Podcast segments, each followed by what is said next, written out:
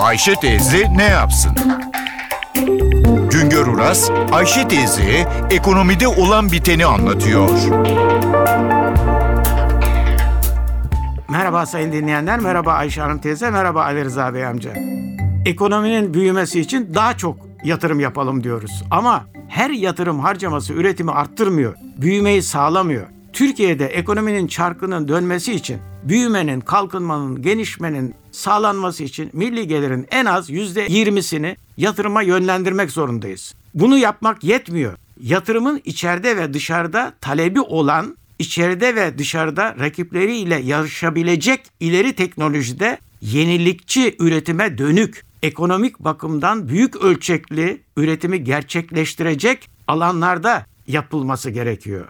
Toplam yatırımın 2014 yılında %22'si kamu kesimi yapacak. Kamu kesimi günümüzde sadece yol, enerji, hastane, okul gibi altyapı yatırımları yapıyor. Altyapı yatırımları hem ekonomik hem de sosyal bakımdan önemlidir ama altyapı olmadan ekonomi gelişemez ama sadece altyapı yatırımlarıyla da ülkenin kalkınması mümkün olamaz. Toplam yatırım harcamalarının %78'ini özel sektör gerçekleştiriyor. Acaba özel sektör nereye yatırım yapıyor? Özel sektörün yatırım harcamalarının niceliğinden öte niteliği önemli. Ülke ekonomisinin büyümesi, istihdamı ve gelirin artması için üretime dönük tarım ve sanayi yatırımları yapmak zorundayız. Tabii ki özel sektör yatırımlarının bir bölümü konuta, ticari yapılara gidecek. Tabii ki konut ve ticari yapılar da önemli. Ama bunlar üretimde devamlı artış sağlayamaz. Bunlar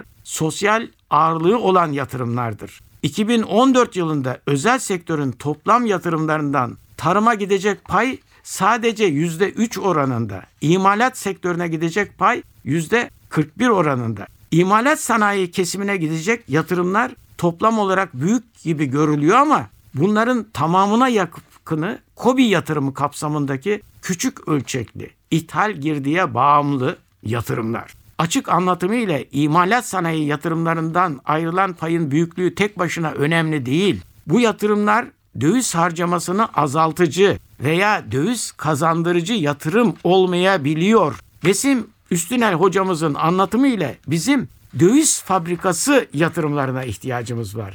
Döviz fabrikası yatırımları dediğimiz yatırımlar döviz üretecek yatırımlardır. Size bir örnek vereyim. Türkiye'de demir çelik sanayi üretim ve ihracat bakımından ekonominin ilk sıralarında yer alan çok önemli bir sanayi koludur. Geliniz görünüz ki bu ana sanayi kolunun girdisi ithal hurda demir. Sadece o yetmiyor. Bu demirleri eritmek için de ithale dayalı enerji kullanıyoruz. Hurdayı enerji ile eriterek şekillendiriyoruz, inşaat demiri haline getiriyoruz. 2013 yılında 19 milyar dolarlık hurda demir ithal ettik.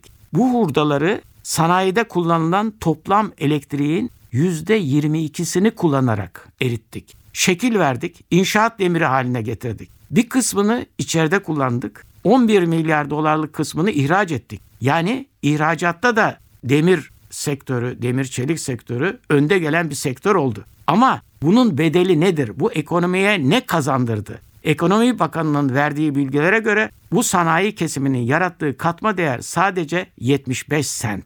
İşte bunun için sadece yatırım yapmak önemli değil. Yatırımın Türk ekonomisine katkı sağlayacak, katma değer sağlayacak yatırımlar olması gerekiyor. Bir başka büyük tehlike ise yatırım yapacakların sanayi yatırımı yerine inşaat yatırımlarına yönlenmeleri. Konut ve ticari yapı yatırımlarında rant büyük. Bu nedenle yatırımcı imalat sanayinden uzaklaşıyor. Yatırımcı imalat sanayinden uzaklaştıkça ülke kaybeder.